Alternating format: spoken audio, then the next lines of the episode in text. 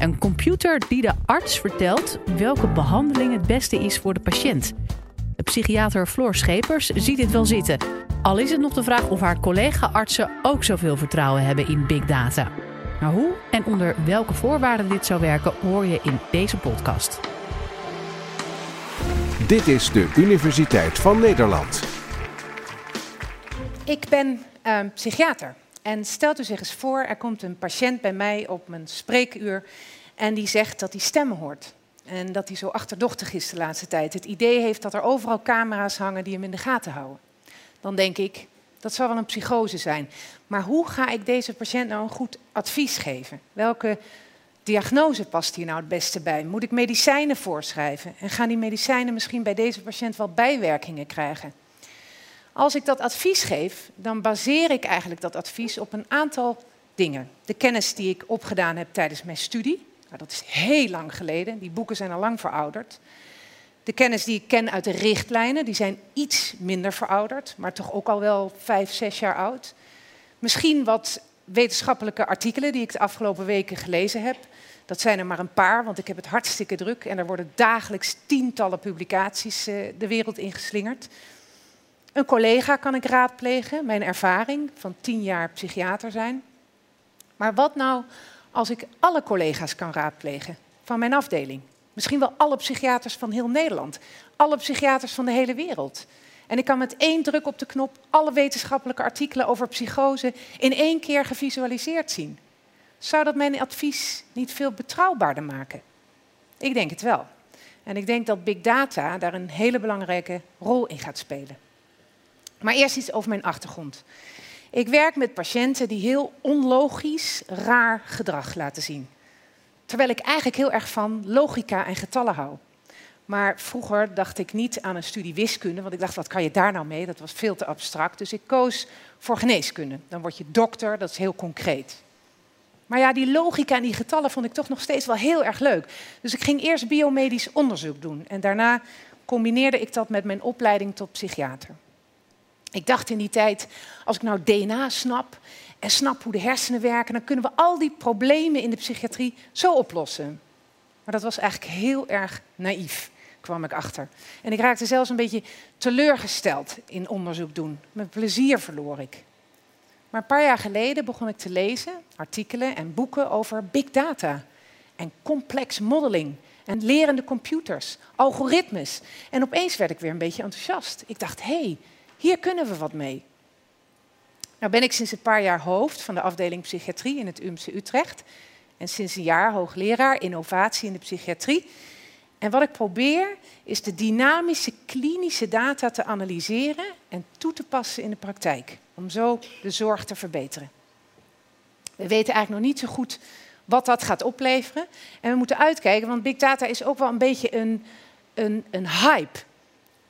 En ik denk niet dat het de oplossing voor alles is. Maar dat de wereld de komende twintig jaar in de zorg gigantisch gaat veranderen, dat weet ik echt zeker.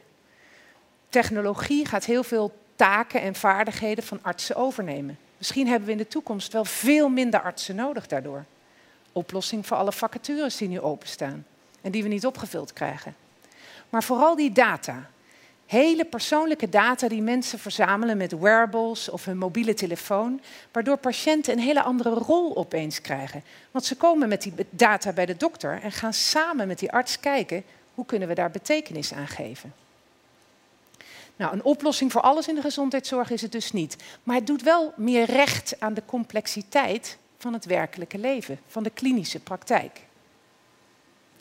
Nou, omdat we steeds dichter bij die complexiteit kunnen komen, denk ik dat we in de zorg drie grote transformaties gaan krijgen. De eerste grote transformatie is dat wij gaan veranderen van dichotoom denken naar dimensioneel denken. Dichotoom denken is eigenlijk heel zwart-wit. Je bent ziek of je bent gezond. Dimensioneel denken, dat gaat veel meer uit van een verdeling van kenmerken en eigenschappen over de populatie.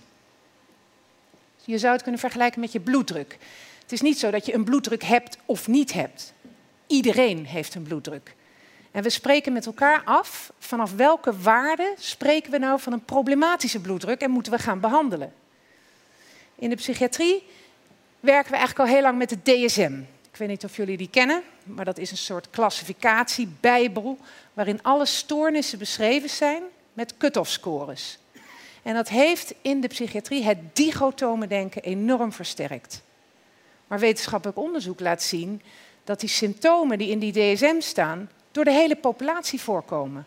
In mindere mate weliswaar, maar bij iedereen wel eens. En ook dwars door al die stoornissen zijn, zijn die symptomen te vinden. Die houden zich helemaal niet aan dat klassificatiesysteem.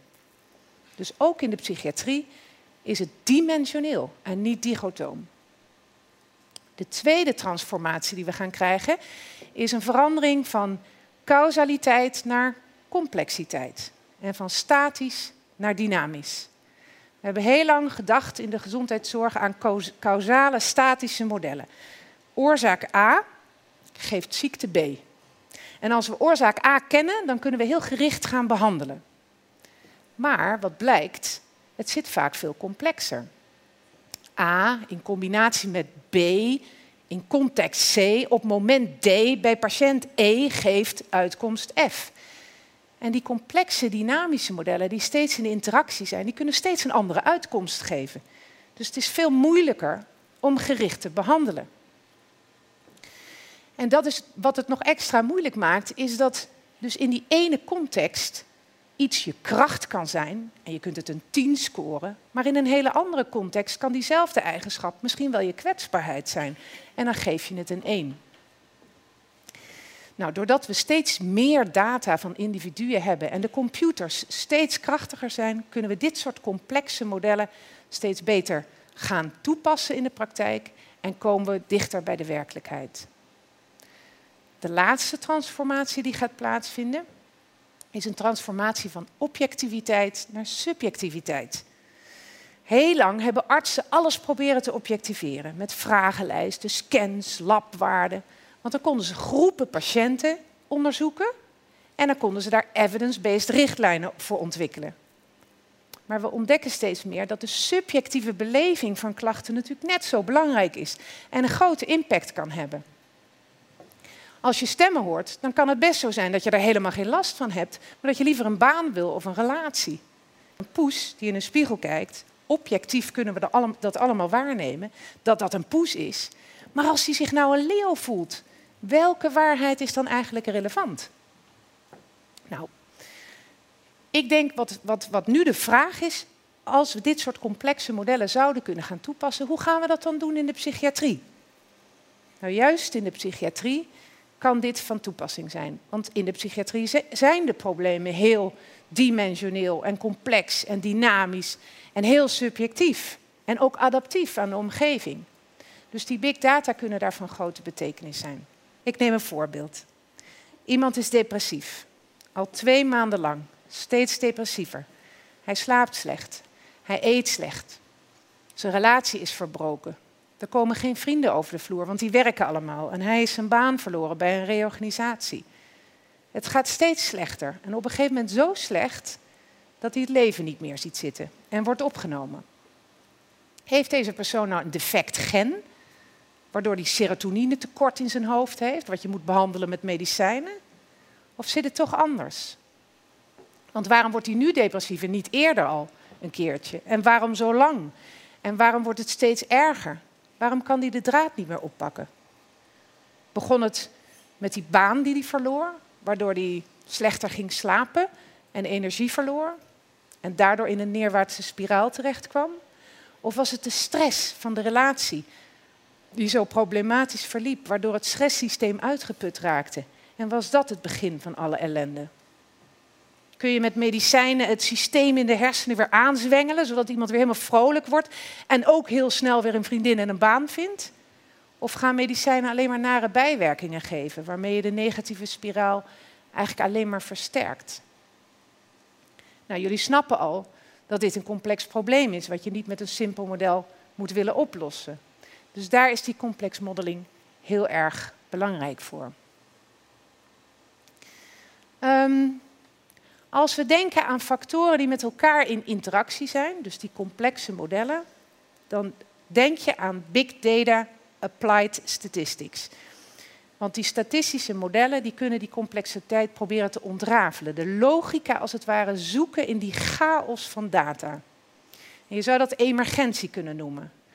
Een voorbeeld van emergentie is water. Als je naar losse watermoleculen kijkt, dan ontdek je nooit dat water vloeibaar en nat is. Dat ontdek je pas als je de interactie tussen de watermoleculen kunt analyseren. En dat is hetzelfde met big data in dit soort uh, complexe datamodellen. Je zoekt als het ware naar de logica in de data, de emergentie in de data. Wat gaat dat ons brengen in de toekomst? Hoe het nu gaat is als volgt. De patiënt komt bij ons binnen, we nemen een intake af, wat laboratoriumwaarden, we kijken naar de verwijsbrief, raadplegen een collega. Misschien vragen we de patiënt een tijdje een dagboek bij te houden en op te schrijven hoe hij zich voelt, wat de meeste patiënten vreselijk vinden om te doen. Dus dat gaat ook altijd heel slecht. En dan stellen we een diagnose en dan starten we de richtlijn, dan komen er check-ups, één keer in de twee weken en op een gegeven moment is het klaar. En het resultaat van die behandeling zit in mijn hoofd en deel ik met niemand. En dat is dan klaar voor de volgende patiënt. In de toekomst zou het zo kunnen gaan. Diezelfde patiënt komt, nog steeds een intake, nog steeds labwaarden, nog steeds die brief. Misschien is een heel groot deel van die dataverzameling thuis al gedaan. Maar dan kan ik opeens van de afgelopen tien jaar alle dossiers, alle intakes en alle verwijsbrieven analyseren. En kan ik kijken of deze patiënt een bepaald profiel heeft waarmee hij al een risico loopt of juist een kans heeft op een succesvolle behandeling. En als ik dan um, alle wetenschappelijke artikelen van de afgelopen tien jaar daar ook nog bij kan betrekken, die deze combinatie van symptomen beschrijft, dan geeft mij dat nog meer uh, informatie over wat er met deze patiënt aan de hand is. En als ik dan een NS1-studie kan doen met deze patiënt, big data over deze ene patiënt, met wearables, waarmee die thuis kan meten zonder dat hij er last van heeft, hoe goed hij slaapt, hoeveel hij beweegt, waar hij is en met wie en hoe hij daar met zijn stressparameters op reageert. Huidgeleiding, hartslagvariabiliteit, kunnen we allemaal meten. Dan kan ik samen met die patiënt gaan kijken wat voor hem of haar relevant is en wat de best passende behandeling is. Zijn we al zover? Nee, nog lang niet. We zijn in het UMC Utrecht eigenlijk net begonnen met dit soort analyses. Een paar voorbeelden zal ik noemen waar we nu mee bezig zijn.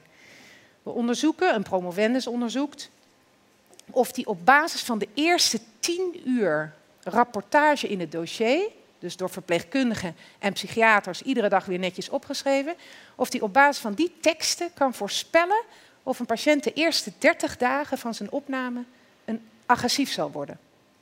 En dat kan die. Beter dan de vragenlijsten die we daar nu voor gebruiken voorspellende waarde is heel erg hoog. En dat is niet alleen op het aantal woorden, maar ook op het type woorden wat gebruikt wordt door verpleegkundigen en artsen. Ze voelen dus als het ware al wel dat er een risico is, maar ze kunnen het nog niet concreet maken. We moeten dit nog repliceren en valideren in andere GGZ-instellingen, maar dit geeft hele waardevolle informatie. Ander voorbeeld is dat we nu al profielen kunnen vinden van patiënten waar bijvoorbeeld gender een rol in speelt, maar ook leeftijd en andere medicijnen die iemand gebruikt, of een antidepressivum gaat werken. Dit is een tabel die de computer voor ons gemaakt heeft, waarbij de computer, het zijn allemaal soorten antidepressiva, in bijna de helft van de gevallen een ander antidepressivum adviseert dan de arts voorschrijft. Ook dat moeten we nog repliceren. Maar het is wel iets waar je over in discussie kunt gaan met elkaar. Nog iets anders is de stromen van brieven. Als een patiënt met ontslag gaat, dan schrijf je een ontslagbrief. En we hebben voor alle vier de zorglijnen in het ziekenhuis geanalyseerd waar dat proces goed en niet goed loopt. Eerst gaat de brief naar de artsassistent, die schrijft hem, dan wordt hij gesuperviseerd door de psychiater, dan gaat hij weer terug naar de artsassistent, dan gaat hij naar het secretariaat en dan gaat hij de deur uit. En die brieven die moeten binnen een week de deur uit zijn, maar dat lukt heel vaak niet. En je kunt dus per zorglijn kijken Waar stagneert dat proces en waar moet ik dus op gaan sturen? En nog een, nog een ander project waar we mee bezig zijn met big data is de verhalenbank. We vragen patiënten en mantelzorgers om hun verhaal te doneren aan de verhalenbank. En dan gaan we met de computer, met machine learning, die verhalen analyseren. En kijken we welke thema's komen daar naar voren, waar we misschien nooit naar vragen, maar die wel belangrijk zijn voor iemand. Hoe verandert de grammatica als iemand psychotisch wordt? Hoe verandert de toon van iemand als hij suicidaal wordt.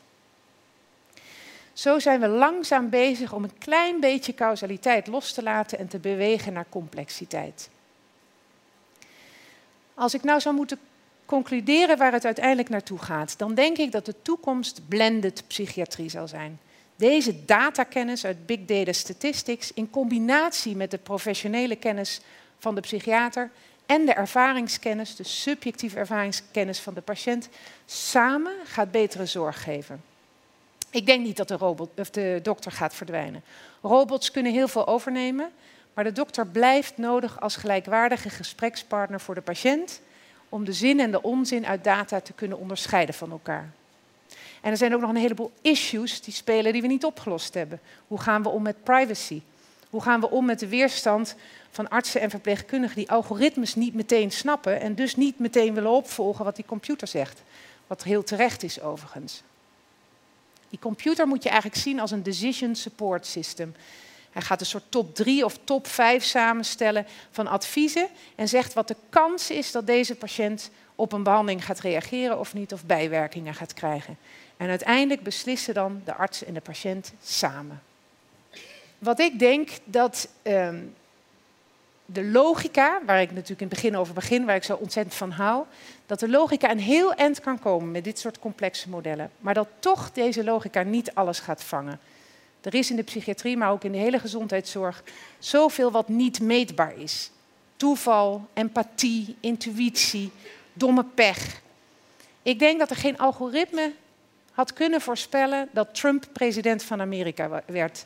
Dat, daar zitten gewoon sommige dingen in het menselijk gedrag die lastig te meten en te voorspellen zijn. Dus als antwoord op de vraag hoe een slimme computer de arts kan helpen bij zijn beslissingen, zou ik eigenlijk zeggen, een computer overziet beter de complexiteit waar de arts en de patiënt zich in bevinden en kunnen daar logica en emergentie uithalen. En dat kunnen de arts en de patiënt gebruiken bij hun beslissingen. Maar een computer kan het nooit alleen. Dank voor jullie aandacht.